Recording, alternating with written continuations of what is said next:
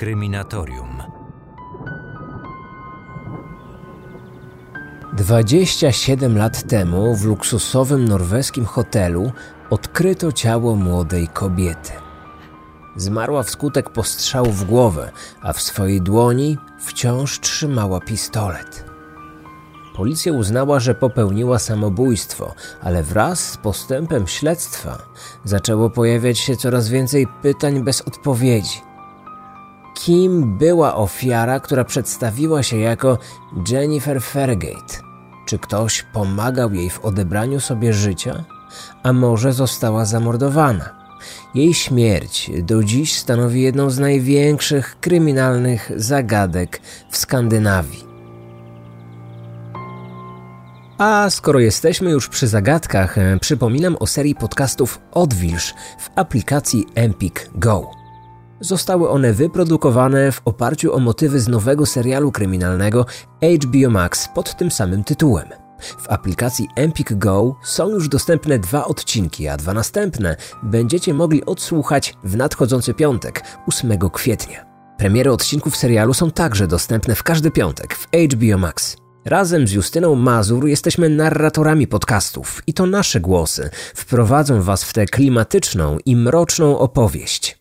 Dodatkowo wszyscy użytkownicy, którzy nie mają jeszcze konta w aplikacji Empik Go na hasło Marcin dostaną 30 dni na start za darmo. Szczegóły znajdziecie w opisie odcinka, a teraz przenosimy się już do Norwegii. Kryminatorium. Otwieramy akta tajemnic. Położony w samym centrum stolicy Norwegii 37-piętrowy Oslo Plaza liczy dokładnie 117 metrów. W chwili otwarcia w roku 1990 był najważniejszym hotelem w całej Skandynawii. Szybko stał się ulubionym miejscem wielu VIP-ów. Noce spędzali w nim światowej sławi celebryci, politycy i głowy państw. W połowie lat 90. ubiegłego wieku cena za jedną noc w pokoju klasy biznes wynosiła równowartość dzisiejszych 2000 zł, co czyniło ten hotel najdroższym w całej Norwegii. A mimo to chętnych gości nie brakowało. Hotelowa recepcja była zwykle wypełniona po brzegi. Zwłaszcza kiedy na przełomie maja i czerwca 1995 roku Norwegię ogarnęła fala ogólnokrajowych strajków. Protestowali pracownicy zarówno sektora publicznego, jak i prywatnego. Bardzo dotkliwy okazał się głównie strajk policjantów oraz pracowników lotnisk. Funkcjonariusze odpowiedzialni za kontrole paszportowe odeszli od swoich stanowisk. Pojawiły się wtedy kłopoty z opuszczeniem, a także przylotem do kraju. Chaos komunikacyjny odbił się mocno na hotelach w Oslo. Ludzie nie mogący wydostać się z Norwegii desperacko próbowali znaleźć jakiekolwiek miejsce na nocleg. Hotel Plaza oferował aż 673 pokoje, więc to właśnie tam trafiali wszyscy, którym nie udało się zameldować w innych, znacznie tańszych hotelach. Recepcjonistki miały pełne ręce roboty. Starały się jak najszybciej zakwaterować oczekujące na meldunek osoby, w myśl obowiązującej w hotelu zasady, głoszącej, że gość zadowolony to taki, któremu nie każe się zbyt długo czekać na swój pokój. Gdy w sobotę 3 czerwca strajk na lotniskach nieco złagodniał, Oslo zostało dosłownie zalane gośćmi z całej Europy, którzy przybywali na przełożone wcześniej spotkania biznesowe i towarzyskie. Rozkład przylotów e, powodował, że hotelowe recepcje osiągały swój szczyt oblężenia tuż po godzinie 20. 30 minut wcześniej e, kierowniczka recepcji hotelu Plaza postanowiła sprawdzić, iloma wolnymi pokojami klasy biznes dysponuje i na których piętrach są one ulokowane. Na monitorze swojego komputera przeglądała kolejne poziomy. Gdy doszło do piętra 28, system meldunkowy wyświetlił jej dziwny komunikat. Informował, że belgijska para z pokoju 2805 wciąż nie dokonała przedpłaty za pobyt, mimo że goście w hotelu spędzili już trzy noce. Dodatkowo ich formularz meldunkowy nie zawierał numeru paszportu.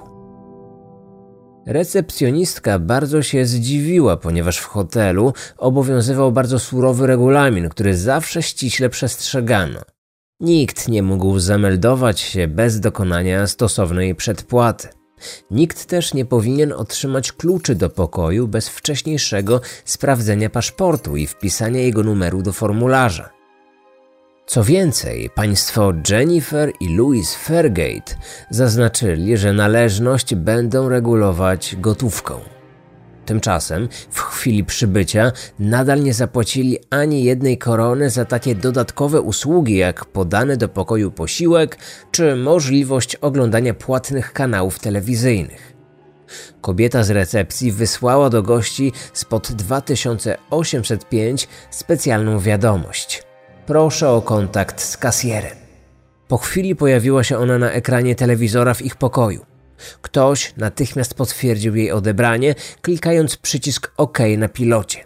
Wówczas recepcjonistka zauważyła, że poprzedniego dnia wysłano do tego samego pokoju dwie podobne wiadomości. Ich odbiór również został potwierdzony pilotem. System informował o jeszcze jednej niecodziennej rzeczy. W tym pokoju nikt nie sprzątał od dwóch dni.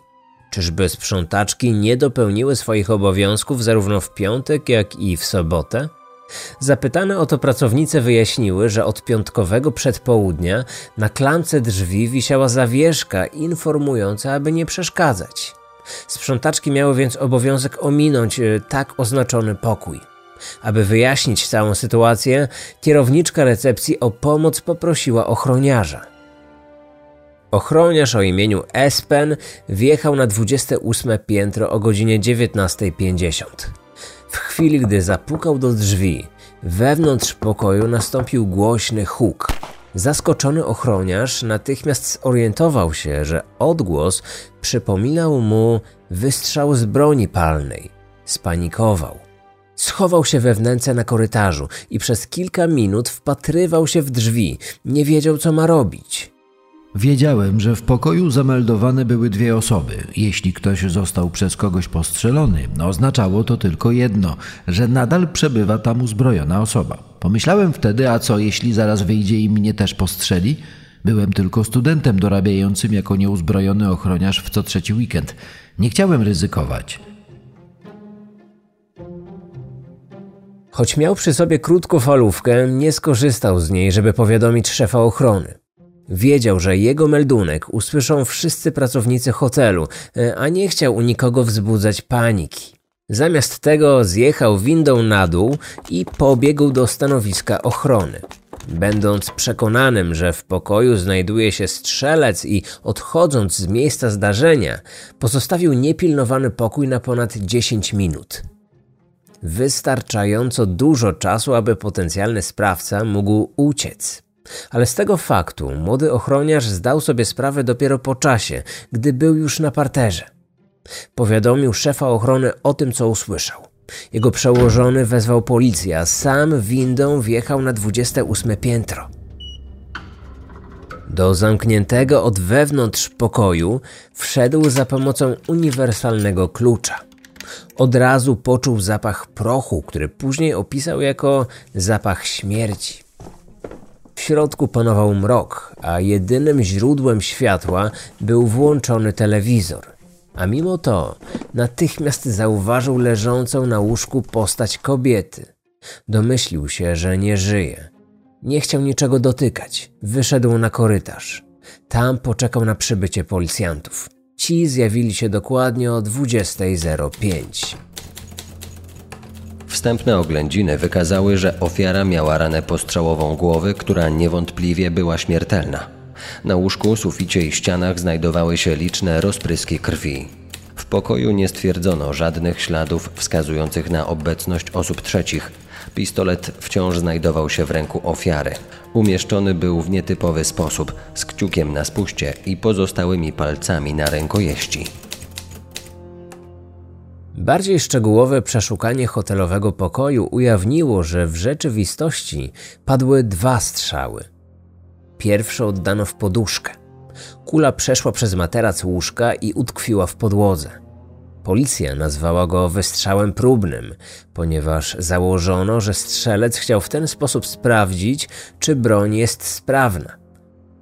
Bardzo blisko niego padł następny strzał, a obie dziury po kulach w materacu były oddalone od siebie zaledwie o 7 centymetrów. Pierwszy sporządzony raport stwierdzał, że w pokoju 2805 doszło do samobójstwa. Prawdopodobieństwo tego, że kobieta została zamordowana, oceniono na 1,1%, czyli zdaniem śledczych było to praktycznie niemożliwe.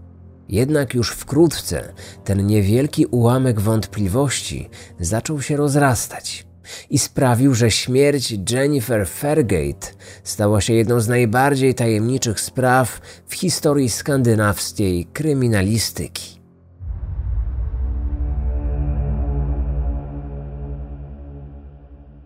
Wraz z rozwojem śledztwa detektywi stanęli przed pytaniami, na które nie potrafili znaleźć odpowiedzi.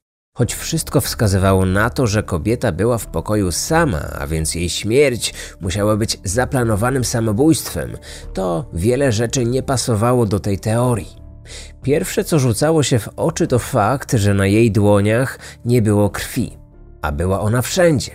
Na samej broni, na stoliku przy łóżku, na ścianach pokoju, a nawet na suficie. Co więcej, sekcja zwłok wykazała, że na dłoni trzymającej pistolet nie było również śladów prochu. Na broni nie było także żadnych odcisków palców, podobnie jak na magazynku.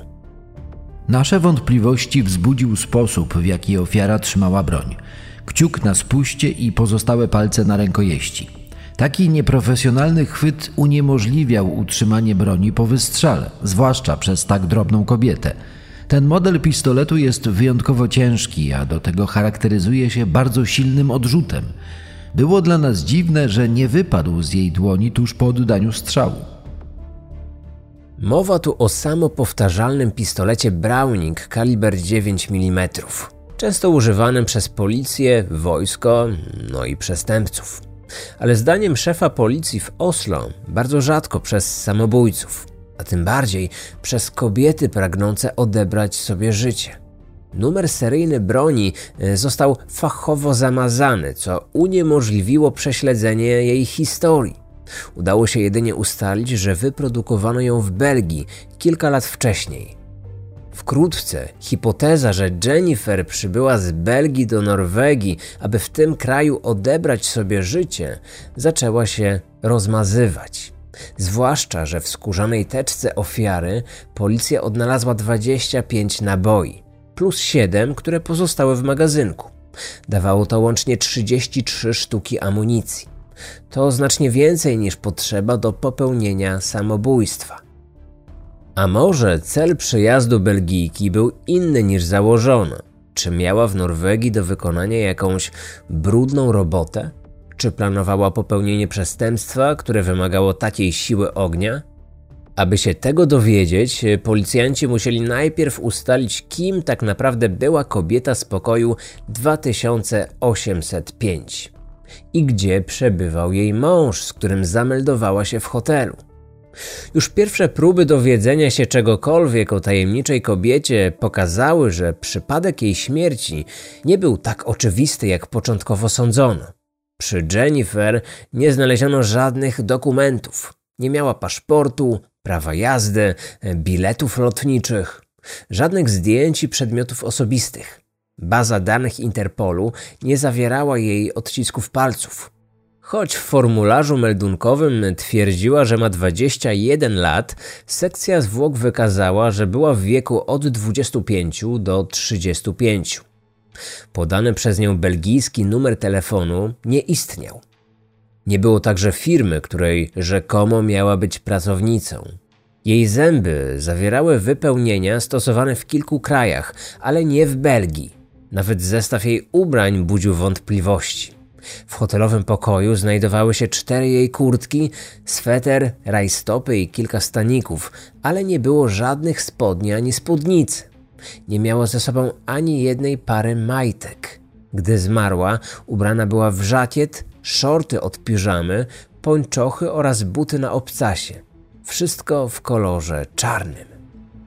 Co więcej, wszystkie jej ubrania nie mogły się pomieścić w jedynej torbie, jaką przy niej znaleziono. Pracownice hotelu zeznały, że w chwili zameldowania ubrana była w marynarkę i spódnicę, a przy sobie miała walizkę na kółkach. Nie znaleziono tych rzeczy w pokoju. Nie było również czerwonych butów, które w czwartek podczas zmieniania pościeli widziała pokojówka. Podobnie jak żadnych kosmetyków, pomimo tego, że w chwili śmierci Jennifer miała na twarzy pełny makijaż. Czy ktoś wyniósł te zaginione rzeczy po jej śmierci, gdy przez około 10 minut pokój nie był przez nikogo pilnowany? Czy zrobił to jej mąż? Być może, ale z takim wytłumaczeniem policjanci mieli spory problem. Nikt z obsługi hotelu nigdy nie widział w hotelu żadnego Louisa Fergate'a. Kobieta zameldowała się sama, choć kilka dni przed przybyciem zadzwoniła do hotelu i zmieniła swoją rezerwację. Kazała wtedy dopisać do swojego pokoju dodatkową osobę. Recepcjonistka zeznała co prawda, że kilka godzin później widziała ją w towarzystwie pewnego mężczyzny, ale nie była pewna, czy byli razem, czy może tylko człowiek w wieku około 35 lat przypadkowo stanął blisko niej przy recepcji. Szczegółowe przeszukanie pokoju 2805 zaprzeczyło obecności w nim jakiegokolwiek mężczyzny. Nie znaleziono żadnych męskich przedmiotów poza pustą butelką perfum. Ale jedyne odciski palców, jakie na niej zabezpieczono, należały do ofiary. W końcu śledczy uznali, że Louis Fairgate nigdy nie istniał i że został on wymyślony przez Jennifer, aby zmylić tropy prowadzące do ustalenia jej personaliów. Kobieta mówiła słabo po angielsku i dobrze po niemiecku, z wyczuwalnym akcentem ze wschodniej części Niemiec. Podpisując się na formularzu, popełniła błąd w pisowni własnego nazwiska. Czyżby dlatego, że było ono dla niej zbyt obce? Policjanci doszli do wniosku, że kobieta podająca się za Jennifer z Belgii robiła wszystko, aby utrudnić ustalenie jej prawdziwej tożsamości. Metki z jej ubrań zostały starannie usunięte, podobnie jak inne znaki identyfikacyjne. To uniemożliwiło policji sprawdzenie, gdzie te ubrania zostały kupione. Policja połączyła to z brakiem jakichkolwiek dokumentów kobiety. I wtedy śledczy zdali sobie sprawę, że już wcześniej w ich kraju miał miejsce podobny wypadek. Dotyczył on tajemniczej kobiety z Izdal, która w latach 70. postawiła na nogi norweską policję. O tej sprawie również opowiadałem w podcaście. W opisie tego odcinka zamieszczam link. Jeżeli jesteście ciekawi, zachęcam do odsłuchu. Choć nigdy nie ustalono jej tożsamości, podejrzewano, że była ona szpiegiem lub płatnym zabójcą. Ona sama twierdziła, że pochodziła z Belgii, a jej zęby zawierały wypełnienia niestosowane w tym kraju. Nikt jej nie szukał, nikt nigdy nie zgłosił jej zaginięcia. Czy podobna historia powtórzyła się po 25 latach? Początkowo śledczy zaczęli tak właśnie myśleć, ale w tej teorii był jeden mały zgrzyt. Znaleziono pozostawioną metkę na jednej z kurtek. Jej usunięcie było niemożliwe bez zniszczenia podszewki. Czy ktoś bardzo dbający o swoją anonimowość pozostawiłby ją tak bezmyślnie? Odpowiedź przyszła bardzo szybko. Udało się nam jedynie ustalić, że kurtka została kupiona w niemieckim domu handlowym, ale producent nie potrafił wskazać, w którym konkretnie. Jeśli kobieta wiedziała, że na podstawie tej właśnie metki nie będziemy w stanie niczego odkryć, to być może uznała, że nie ma potrzeby jej usuwania i co się z tym wiązało, niszczenia bardzo drogiej kurtki. Norwescy detektywi przez ponad rok próbowali rozwikłać zagadkę śmierci kobiety z pokoju 2805. Na próżno. Ostatecznie śledztwo stanęło w martwym punkcie. Zbyt wiele pytań i tropów, a żadnej konkretnej odpowiedzi. Przez cały ten czas ciało kobiety przechowywane było na wypadek zgłoszenia się jej krewnych lub znajomych. Jednak nikt nie zainteresował się tą kobietą. W końcu uznano, że dalsze prowadzenie śledztwa jest zbyt kosztowne i bezzasadne. 26 czerwca 1996 roku Jennifer Fairgate została pochowana w bezimiennym grobie na cmentarzu w Oslo. Dwa miesiące później policja nakazała zniszczenie wszystkich znalezionych przy niej przedmiotów. Tym samym bezpowrotnie pozbywając się wszystkich potencjalnych dowodów w tej sprawie. Ale historia tajemniczej kobiety nie umarła wraz ze złożeniem jej ciała do grobu. Pamiętał o niej dziennikarz norweskiego dziennika VG, Lars Wagner. Najpierw z zainteresowaniem śledził on medialne doniesienia, a dwa lata później rozpoczął swoje oficjalne dziennikarskie śledztwo. Od tej chwili głównym celem jego pracy stało się ustalenie prawdziwej tożsamości kobiety z pokoju 2805.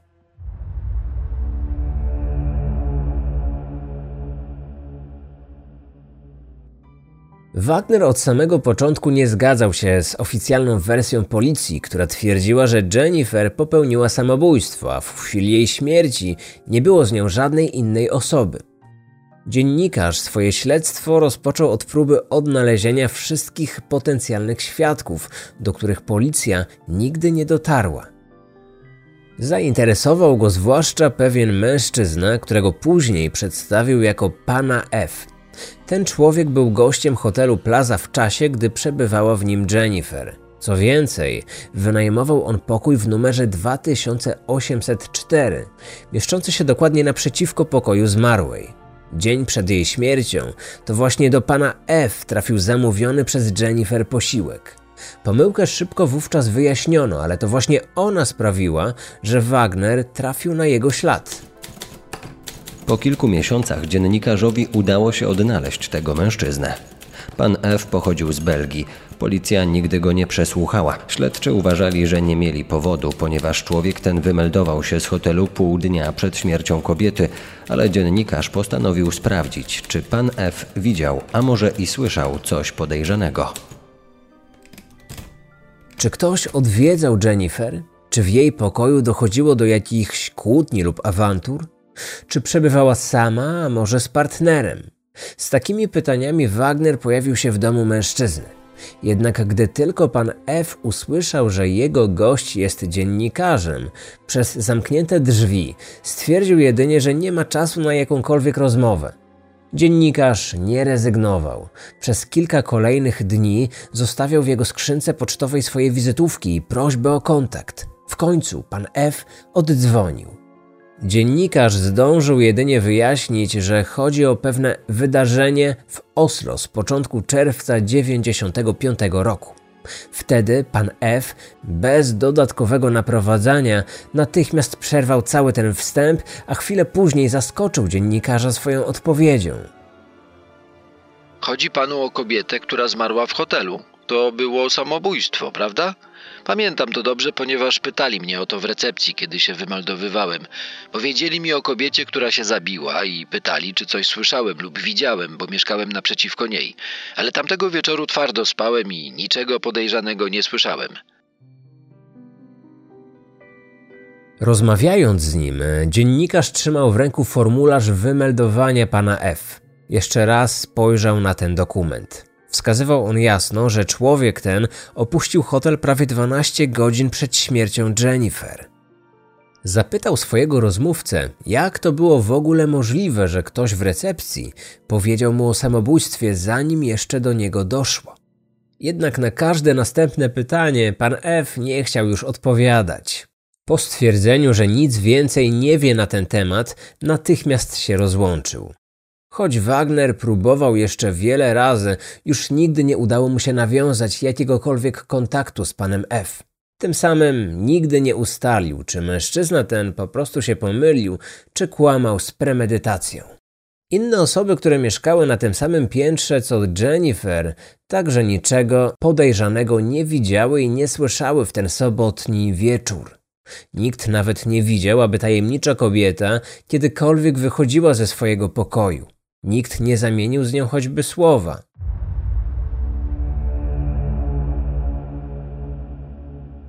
Przez osiem następnych lat norweski dziennikarz badał wiele tropów. Nie udało mu się jednak przybliżyć do poznania prawdy. Dotarł za to do wielu wcześniej nieopublikowanych szczegółów śledztwa, które jeszcze bardziej zagmatwały całą sprawę.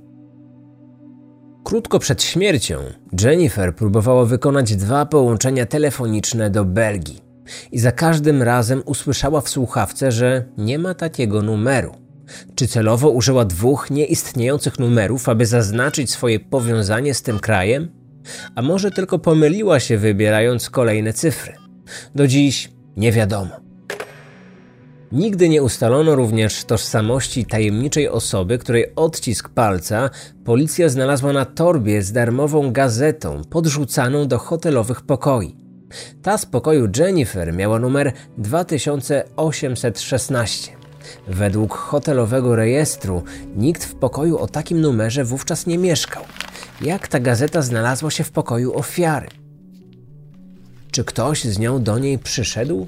A może Jennifer zabrała ją spod innych drzwi? Nie wiadomo. Dziennikarz, który prowadził swoje śledztwo, wierzył, że zagadkę mogłyby rozwiązać badania DNA. Ale w roku 95 nie były one powszechnie stosowane w Norwegii, więc śledczy nie pobrali żadnych próbek do testów. 20 lat później było to już standardem w podobnych śledztwach. Problem tylko w tym, że wszelkie dowody rzeczowe już dawno usunięto z policyjnego magazynu. Uparty dziennikarz i tym razem się nie poddał. W 2016 roku wystąpił do policji w Oslo o zgodę na przeprowadzenie ekshumacji Jennifer. I choć na to specjalnie nie liczył, to taką zgodę otrzymał. Okazało się, że szczątki zachowały się w niespodziewanie dobrym stanie. Udało się pobrać materiał genetyczny, z którego stworzono niemal kompletny profil DNA. Jednak początkowy entuzjazm szybko zgasł. Policja nie dysponowała przecież żadnym materiałem porównawczym. Jej krewni byli nieznani, nie udało się również dopasować DNA do profili z policyjnej bazy danych. Dziennikarz liczył, że na podstawie DNA uda się przynajmniej ustalić przybliżone pochodzenie Jennifer. Kawałki kości, kilka zębów przesłano do Norweskiego Instytutu Zdrowia Publicznego. Wyniki nie były zadowalające. Mówiły, że materiał genetyczny należy do białej Europejki, ale przecież to było już wiadomo wcześniej. Wtedy do pomocy włączył się Austriacki Instytut Medycyny Prawnej. Tam, na podstawie chemicznej analizy izotopów węgla, udało się zawęzić obszar pochodzenia do Niemiec jako kraju o dużym znaczeniu. Najprawdopodobniej Jennifer mieszkała w Niemczech, gdy była nastolatką. Dodatkowo, wszystko wskazywało na to, że nie pochodziła ze Skandynawii, a w chwili śmierci miała około 24 lata, o trzy więcej niż podała w formularzu meldunkowym. I to w zasadzie wszystko, do czego doszli eksperci po przebadaniu jej DNA. Póki co, Lars Wagner wciąż bada tę sprawę z nadzieją, że kiedyś uda mu się poznać prawdę. Policyjne śledztwo od dawna jest zamknięte, a szef policji w Oslo twierdzi, że nie ma absolutnie żadnych przesłanek, aby w najbliższym czasie sytuacja mogła ulec zmianie. Choć nie wyklucza, że postęp techniki może pewnego dnia przyczyni się do ostatecznego rozwiązania tej zagadki. Oficjalne wyniki naszego śledztwa stwierdzają, że kobieta najprawdopodobniej odebrała sobie życie i wciąż pozostają aktualne. Ale jesteśmy otwarci na możliwość pojawienia się w przyszłości nowych informacji. Może zgłosi się do nas jakiś świadek, o którym dziś nie wiemy, może to będzie ktoś z jej rodziny. Jeśli któregoś dnia dowiemy się, kim ona była, być może uda nam się dowiedzieć, co tak naprawdę wydarzyło się w pokoju 2805. W pozytywne rozwiązanie zagadki wierzy także Lars Wagner. Jako jeden z nielicznych cywilów ma pełny dostęp do policyjnych akt dotyczących tej sprawy. Redakcja dziennika, w którym pracuje, współfinansuje prowadzone przez niego prywatne śledztwo, a o wszystkich nowych odkryciach na bieżąco informuje na swoich łamach. W 2017 roku Wagnerowi udało się odkryć, że wbrew oficjalnym dokumentom, pistolet, który miała przy sobie ofiara, nie został wcale zniszczony. Dziennikarz odnalazł go w jednym z policyjnych magazynów w Oslo. Broń jeszcze raz została poddana analizie. Próbowano także odzyskać zniszczony numer seryjny. Wykorzystano do tego najnowocześniejsze metody, takie, którymi nie posługiwano się jeszcze w 1995 roku. Nadzieje były duże, ale wynik tych badań niestety rozczarował i nie pchnął sprawy do przodu. Ostatnio w norweskich mediach pojawiła się hipoteza sugerująca, że rozwiązanie tej tajemnicy może być mniej efektowne niż wszyscy do tej pory sądzili.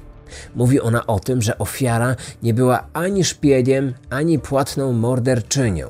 Zamiast tego kobieta przedstawiająca się jako Jennifer cierpiała na zaburzenia psychiczne i depresję, która sprawiła, że dwudziestokilkulatka postanowiła odebrać sobie życie ale nie chciała, aby po jej śmierci policji udało się ustalić jej personalia. Być może ważne było dla niej to, aby jej rodzina nigdy nie dowiedziała się o tym samobójstwie. Szukając inspiracji do skutecznego ukrycia swojej tożsamości, zafascynowała się historią innej niezidentyfikowanej do dziś ofiary, znanej jako kobieta z Izdal. Zdaniem zwolenników tej hipotezy, za takim rozwiązaniem przemawia wiele szczegółów łączących te dwie sprawy. Między innymi wymyślone przez Jennifer belgijskie pochodzenie, usunięcie metek z ubrań oraz Norwegia jako miejsce śmierci. Czy taka wersja jest w ogóle warta rozważenia? Lars Wagner uważa, że absolutnie nie. Co więcej, już sam pomysł, że Jennifer Fergate naśladowała kobietę z Izdal, nazywa absurdalnym i niepopartym żadnymi dowodami. Gdyby tak faktycznie było, Ofiara z hotelu Plaza nie strzeliłaby sobie w głowę, ale dokonała samospalenia.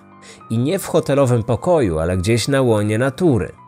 Poza tym, norweski dziennikarz wciąż upiera się, że o żadnym samobójstwie nie może być mowy. Jest on przekonany, że doszło do morderstwa, a sprawca od ponad ćwierć wieku pozostaje na wolności. I wciąż wierzy, że to właśnie jemu uda się w końcu ustalić, kim tak naprawdę była Jennifer Fairgate, a co za tym idzie, ostatecznie rozwiązać zagadkę pokoju 2805. Odcinek powstał na podstawie książki Erin Christensen oraz artykułu Larsa Wagnera w norweskim dzienniku Verdens Gang. Wykorzystano również informacje podane w podcaście Forensic Tales oraz filmie dokumentalnym platformy Netflix. Ten materiał powstał przy współpracy z Empik Go.